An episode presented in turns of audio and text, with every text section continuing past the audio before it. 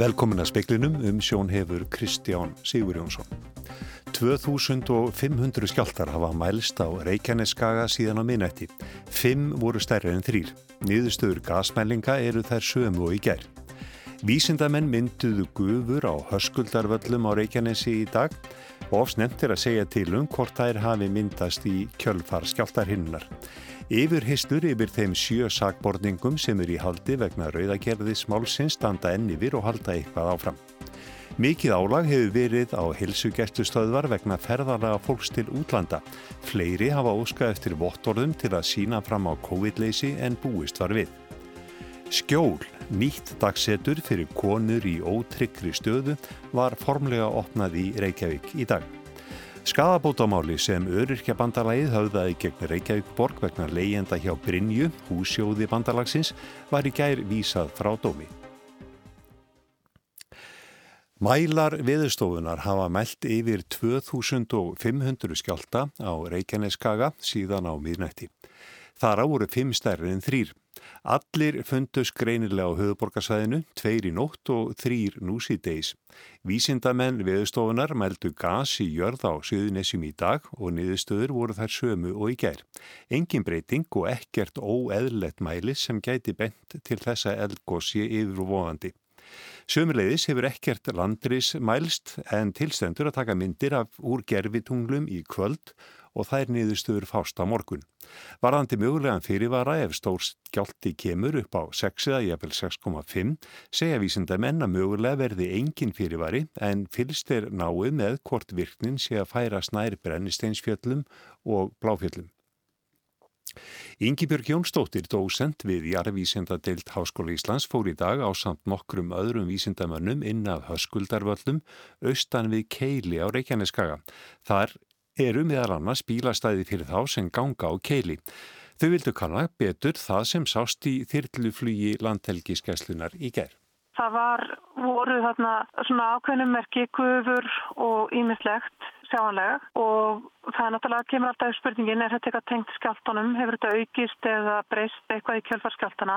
Nú, það liggur ekki fyrir hvort að, hvort að það hafi gerst, en það sem við vildum gera í dag var að mynda þetta af nákvæmum, bæði með hefðbundni myndavel og líka hitamyndavel til þess að vera með góð gögn ef eitthvað breytist í framhaldinu. Að nú erum við alltaf að safna grundgögnum til þess að hafa viðmið, en við sáum mjög vel guðunan í dag sagði Ingi Björg Jónsdóttir. Rannsókn lauruglu á morðinu á Armando Bequiri sem var skotin til bana við heimili sitt í Rauðagerði í Reykjavík miðar nokkuð vel. Yfirheyslur yfir þeim sagbortningum sem er í haldi standa enn yfir og halda eitthvað áfram. Sömulegis er verið að bera saman sönnunagagn í málunu og fylgir því mikil vinna. Yfir 20 manns vinna nú engungu að rannsókn málsins. Fimm voru úrskurðuð í áframhaldandi vikulangt gæsluvarhaldi gær, allt útlendingar. Gæsluvarðhaldi yfir eina Íslendingnum sem er í haldi var sömulegis framlengt um viku í fyrradag en varðhaldi við þeim sjönda rennur út á morgun. Sankvæmt upplýsingum frá lauruglu hefur ekki verið tekin ákverðun um hvort farið verði fram á áframhaldandi varðhald yfir honum.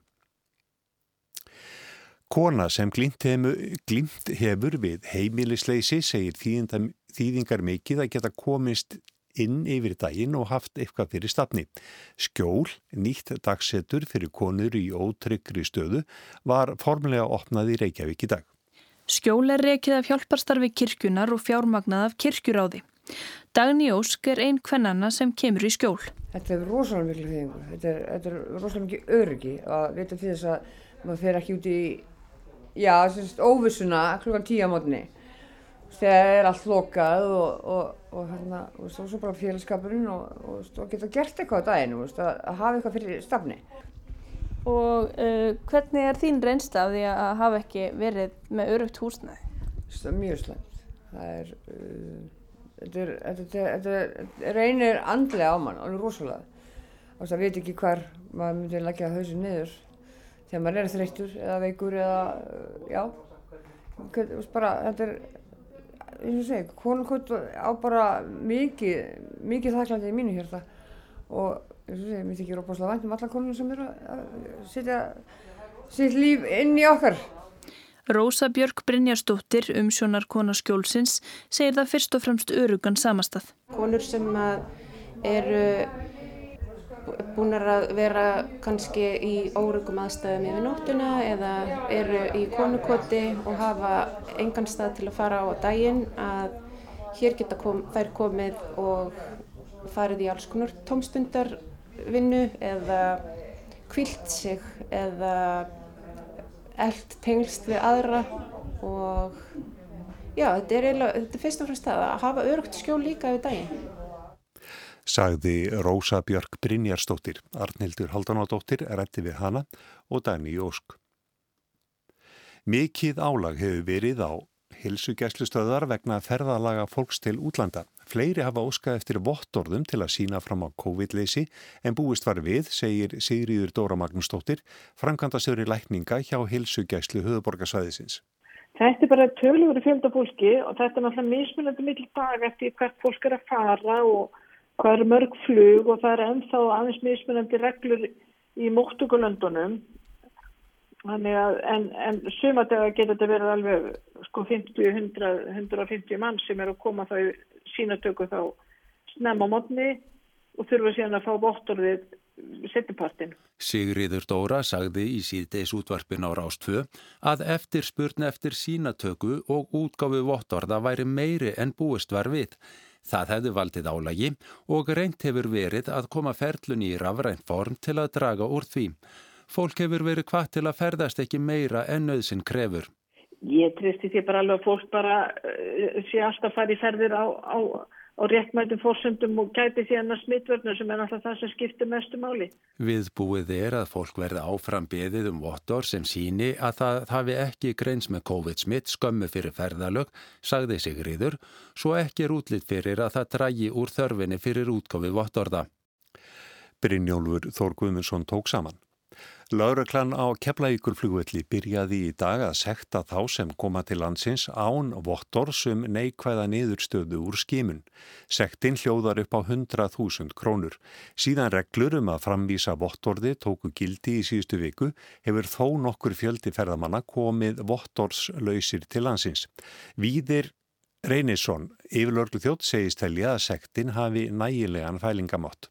Já, ég held að, ég held að sé nú bara reyndar þannig að langt flestir vilji bara fara í svona prófa á þeir ferðast og, og hérna, og eins og segja, þetta eru hluti líka svona nánast ferðarlegum í Európa, ég held að menn vilji bara vera vissir á þeim fara stað, því að það er líka dýrt að, að eh, koma til Íslands, vera með jákvæmt próf og fara hér í 14 daga í einangurinn að mistakosti, það getur verið mjög dýrt eða það er að koma hér kannski stuttan tíma, þannig að ég held að sé nú flesti bara sem vilji, vilji gera þetta svona.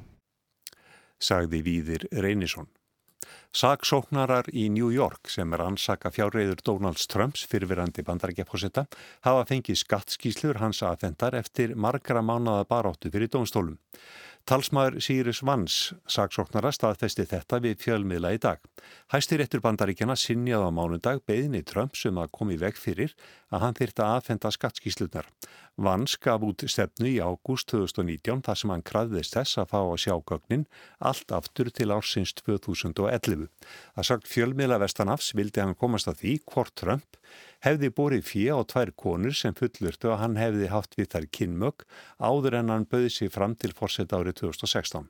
Síðar vildi saksóknarinn kanna möguleg skattaundanskott og tryggingasvík. Hérastómur Reykjavíkur vísaði í gær frá dómi máli sem Öryrkjabandala Íslands höfðaði gegn Reykjavíkuborg.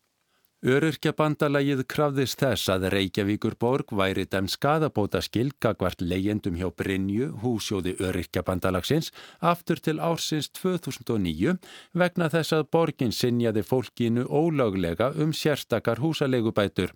Svo ákverðun Reykjavíkur borgar var síðar dæmt ólögleg og borgin greiti bætur aftur til ársins 2012. Öryrkjabandalagið vildi hins vegar að borgin greiti bætur vegna alls tímabilsins til handa þeim sem byggu í íbúðum Brynju. Öryrkjabandalag Íslands stemdi Reykjavíkur borg í fyrra og krafði skreiðslu skadabóta fyrir hönd félagsmanna sinna. Niðurstaðan í gær snýra því hvort öryrkjabandalagið hefði verið í stöðu til þess að höfða það mál. Dómari við hérastómi Reykjavíkur sagði að viðurkent væri að félag eins og öryrkjabandalagið gæti reykið mál sem snýru að hagsmunum félagsmanna sinna. Hins vegar væru skordur við því hvers konar kröfur félög gætu sett fram fyrir hönd félagsmanna sinna ef þau væru ekki með málsóknarumboð. Því var málunu vísað frá án efnislegrar meðferðar. Þurriður Harpa Sigurdardóttir, formaður Öryrkja bandalags Íslands, segir að veri sé að fara yfir úrskurdómara og að hann verði líklega kærður til landseréttar. Brynjólfur Þórguðmundsson saði frá.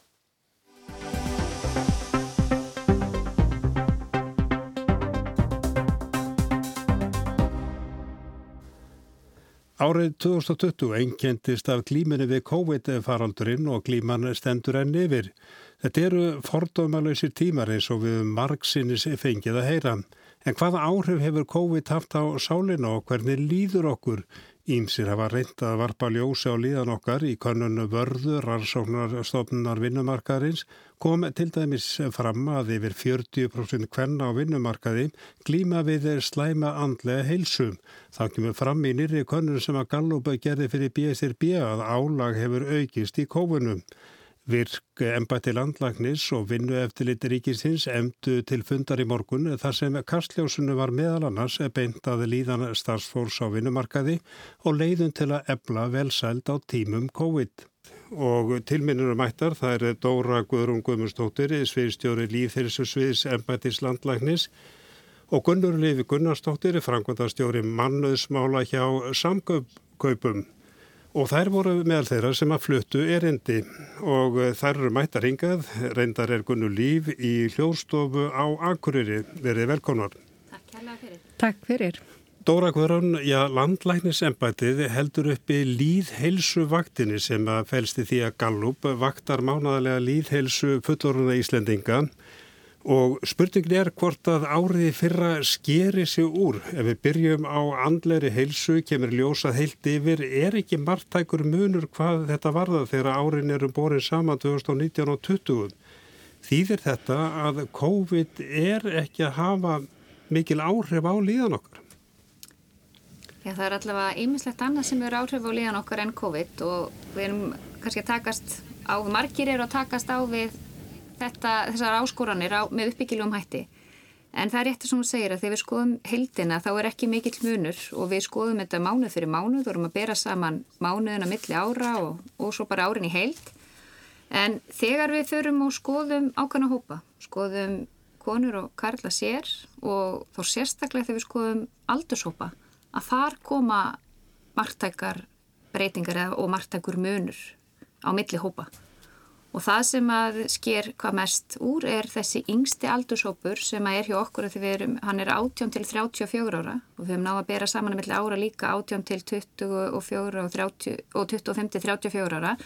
Og það virðist vera að, að, að þessi hópur, hann, hann skerir sér törfert út fyrir að vera með lagra hlutfall sem að upplifir e, góða andlega hilsu og við sjáum líka meiri streitu, meiri einmannalega og hérna minni hamingi. E, og í sumu tilfellum þá kemur fram að þeir eldri eru bara jafnvel í betri standi í fyrra en 2019.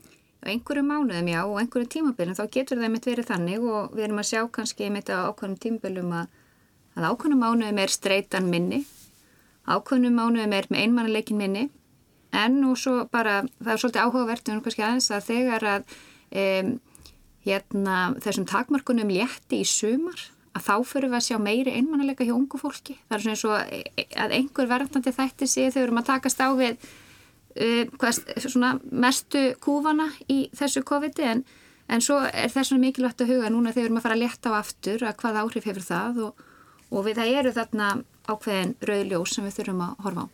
Gunnulífi, ég sangu upp reyka hvað 62 verslanir út um allt land uh, og uh, getur þú sagt eitthvað um áhrifu COVID á starfsmenn uh, sangupa að eins og Dóra Guður var að segja þá kemur þetta, já, hefur þetta verið það mest áhrif á 18 ára til 34 ára.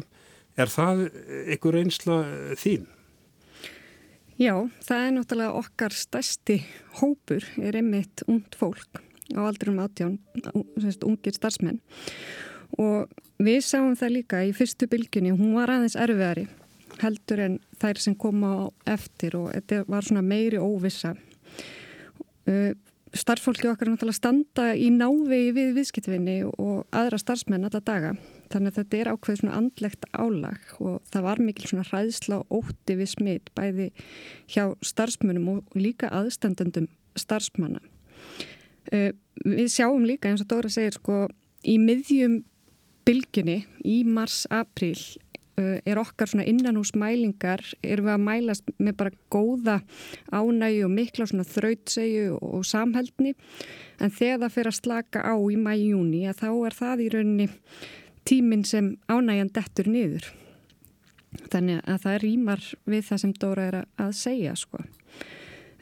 Það er náttúrulega fleiri áhrif líka. Við erum í maturu geranum og það var ekki bara COVID, það var líka aukningi sölu sem hefur greiðarlega áhrif að allt í hennu markvaldast salan því fleiri fara að vestla og þá koma náttúrulega fleiri verk. Og me meira að gera. Meira að gera. Auk þess að auðvitað meiri hindranir og meiri ægi, meiri ótti, mögulega stittri þráður í viðskiptavinnum en heilt yfir náttúrulega bara magnað hvað fólk hefur staðið sér vel sko. Dóra Guðrún, já þú fóst eh, yfir andlega hilsu eh, landsmanna eða samkvæmt þessum mælingum og líka tölur um hamingju, streitu, einmannleika og kannski komst aðeins að því áðan að já yfir heldina liti þá eru er breytingarnar með 2019 og 2020 ekki margtakar en aftur kemur í ljós að þessi hópur sem myndist á áðan 18-34 ára hann mælist verst á öllum uh, þessum hérna, einingum eða mæleiningum, verri andli hilsa, minni hammikja, minni streyta, meiri einmannleiki. Já, kemur þetta þér á óvart?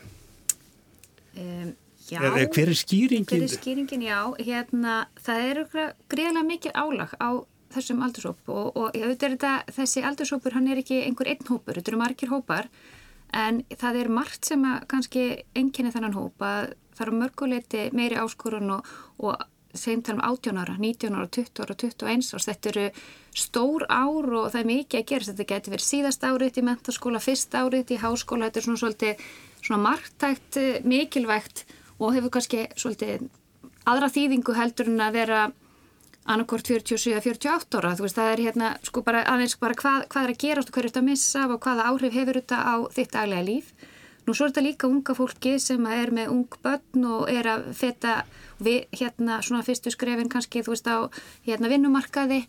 Og er komu úr námi. Þetta er álag, það er mikið álag sem hóp. Við sáum eftir efnagsfrunnið að ungar konur með börn voru, það var þær sem fóru vest út úr efnagsfrunnið, hérna við skoðum það, e, meiri streyta, meiri þunglindsenginni og við erum að svolítið að sjá það líka og skoðum það sérstaklega ungar konur að það er, það er álag þar, það, er, það hefur verið álag á þessum hóp líka varðandi það að sjáum heimakennslu og allt þetta vinnustæðarinn orðin heimilið þitt og, og hérna, allt þetta hefur einhverja kannski kosti en þetta hefur verið greiðilega mikið álag á ákveðna hópa.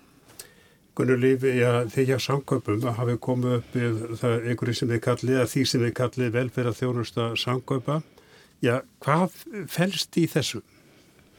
Þú stuttum á það. Já, í stuttumáli.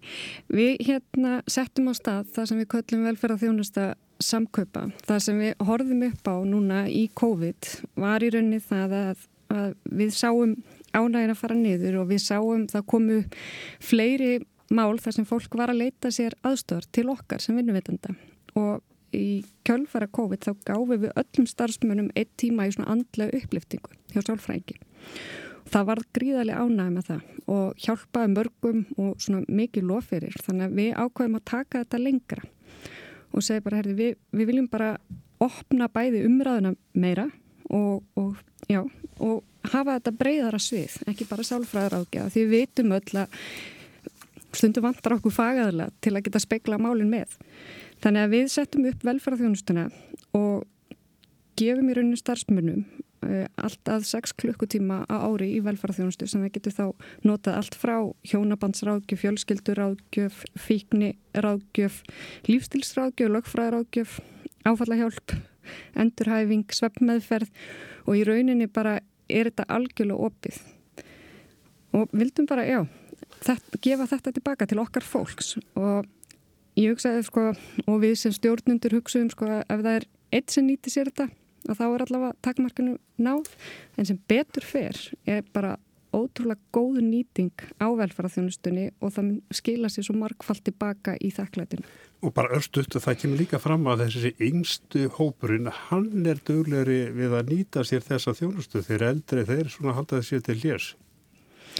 Já, það er allavega, það er allavega okkar nálguna að þau eru fljótari að nýta sér þjónustuna og kannski finnst okkur þau vera svona fyrr að bregðast við. Það þarf ekki að koma upp stort áfall eða erfileikar heldur eru meira svona að bregðast við áður en eitthvað fyrir að gerast á múti þess að eldri kynslan er svona frekar fyrr þegar eitthvað gerðist.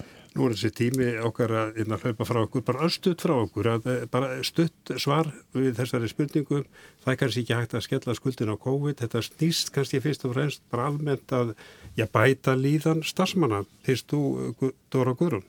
Já, ég heldur bara, mér finnst þetta svo E, svo mikilvægt við lítum á þess ekki sem eitthvað einstaklingsverkefni, heldur samfélagsverkefni. Og algjörlega til fyrirmyndar sem við erum að heyra um svona, þessa þjónustu og stuðning sem við erum að veita.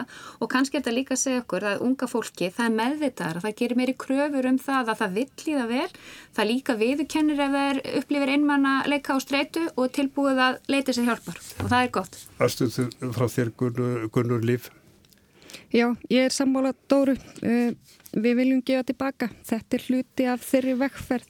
Við viljum gera vel við fólkið okkar og, og ég tel að öll fyrirtæki ætti að fara í þá vekkferð.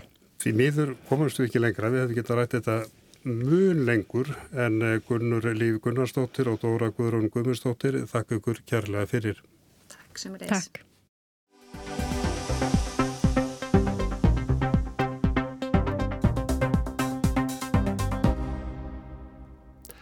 Bjarni Sæmundsson, rannsóknarskip Hafrannsóknarstofnunar, læði að staði í tveggja vikna rannsóknarleðungur umhverfislandi þann 15. februar og kemur til heimahafnar í hafnafyrði eftir nokkra daga. Farið er fjórun sínum ári í slíka leðangra og þá er ástand sjávar kannad, meðal annars hiti, selta, súrefni og ströymar. Reyndar bættist við smá aukaverkefni þegar loðna létt sjá sig í faksaflóa fyrir nokkrum dögum. Leiðangurinn er liður í langtíma rannsókna á hafinu en þessir ársfjörðungslegu leiðangrar hafi verið farnir allt frá árunnu 1970. Solveig Rósa Ólastóttir, efnafræðingur, er verkefnistjóri.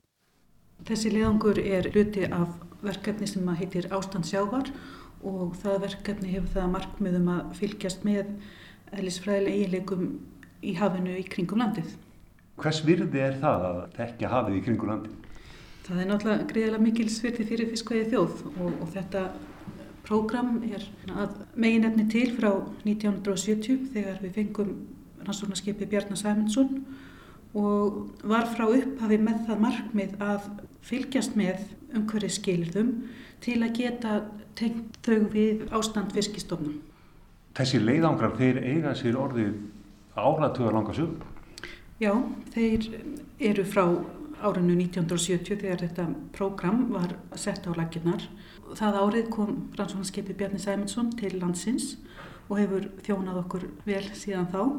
Verkefnið miðar að því að fylgjast með umhverju skilirðum í hafinu frá stöðum sem eru frá landi og yfir allt landgrunnið og fram yfir landgrunnsbrúnina og það var alltaf ætlunin að nýta síðan þessi gögn til að varpa ljósi á tengsl umhverfisins og fiskistofna.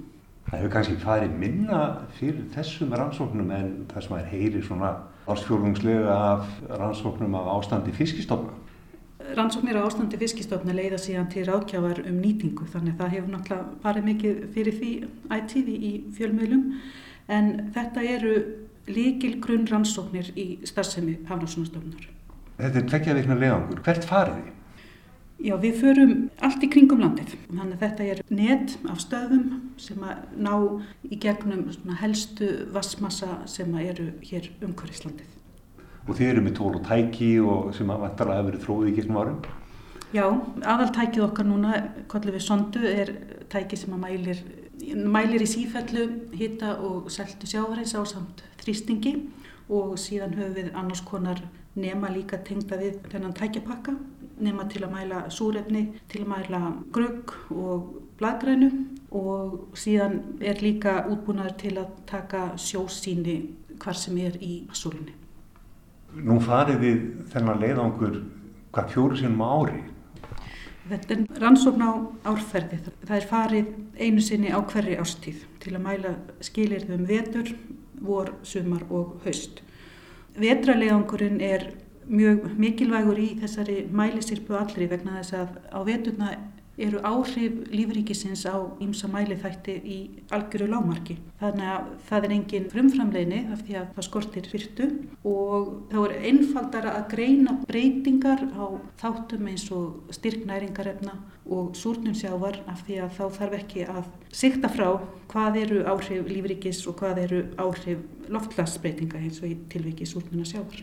En inn í þessu prógrami öllu er einnig fléttað rannsóknum á efnafræði sjávar og svo um, svifi, bæði dýrasvifi og plöntusvifi.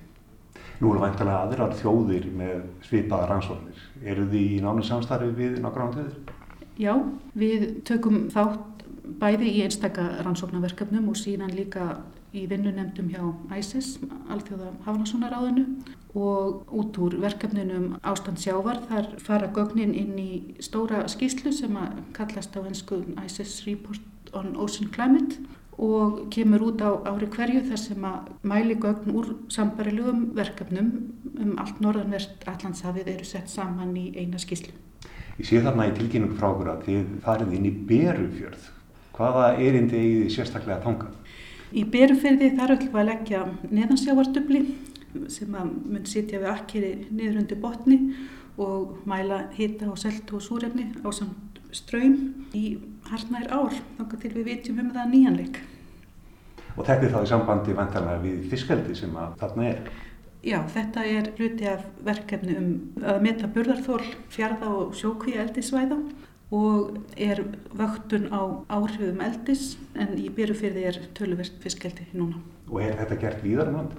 Við erum með aðra svona vöktunabauju í Arnarfyrði en við höfum gert mjög miklar tímabundnar rannsóknir í aðdraganda þess að gefa ráðgjöfum burðarþól. Hvaða breytingar á sjónum sína gögn undan þarna 50 ára? Sér stort og litið þá sína þau breytileika. Þau sína breytileika í umhverju skilurum í hitta og seltu milli ára og líka milli tímabila Síðan ef við skoðum aðra þætti eins og til dæmis súrnum sjávar, þá sína gögnin okkar svo ekki sé umvilst að hafið súrnar. Seinustu 20 ár eða svo, þau hafa verið hlý og hiti í hlýsjónum hér sunnan og vestan við land hefur verið herri heldur en í mælingunum 30 árin þar á undan. Þessi hlínuna er líka inn á norður mið. Á norðurmiðum eru skilirinn breytilegri vegna þess að þar blandast bæði þessi hlýja allansjór og svo kaldur pólsjór og það fyrir eftir því hversu mikið er af allansjónum, þetta pólsjónum, hver skilirinn eru þannig að breytingar þar milli ára eru miklu meiri heldur en í allansjónum fyrir sunnan. En þar, eins og á mælingum frá Siglunessniði sem er úti fyrir miðju Norðurlandi, að þar hefur híti sjávar verið fyrir ofan meðalag seinustu 15-20 árin. Er þetta að meta það hvort að þessi breyting séði góðs eða íls? Ég held að það sé ekki að svokomnu máli hægt að gera það vegna þess að breytileikin í þessu kerfi er hár og náttúrulegar aðstæður eru bara breytilegar. Er vita hvaða áhrif þetta hefur á lífrikið? Það er mjög stór spurning. Það er náttúrulega vitað frá rannsóknum í, í stoppmælingu botfiska að þetta hefur áhrif á útbreyslu ímissa fiskitegunda. Þannig að þær hafa sumar breytt útbreyslu sinni mjög. Þetta var Solveig Rósa Ólafstóttir hjá Hafrannsóknastofnun.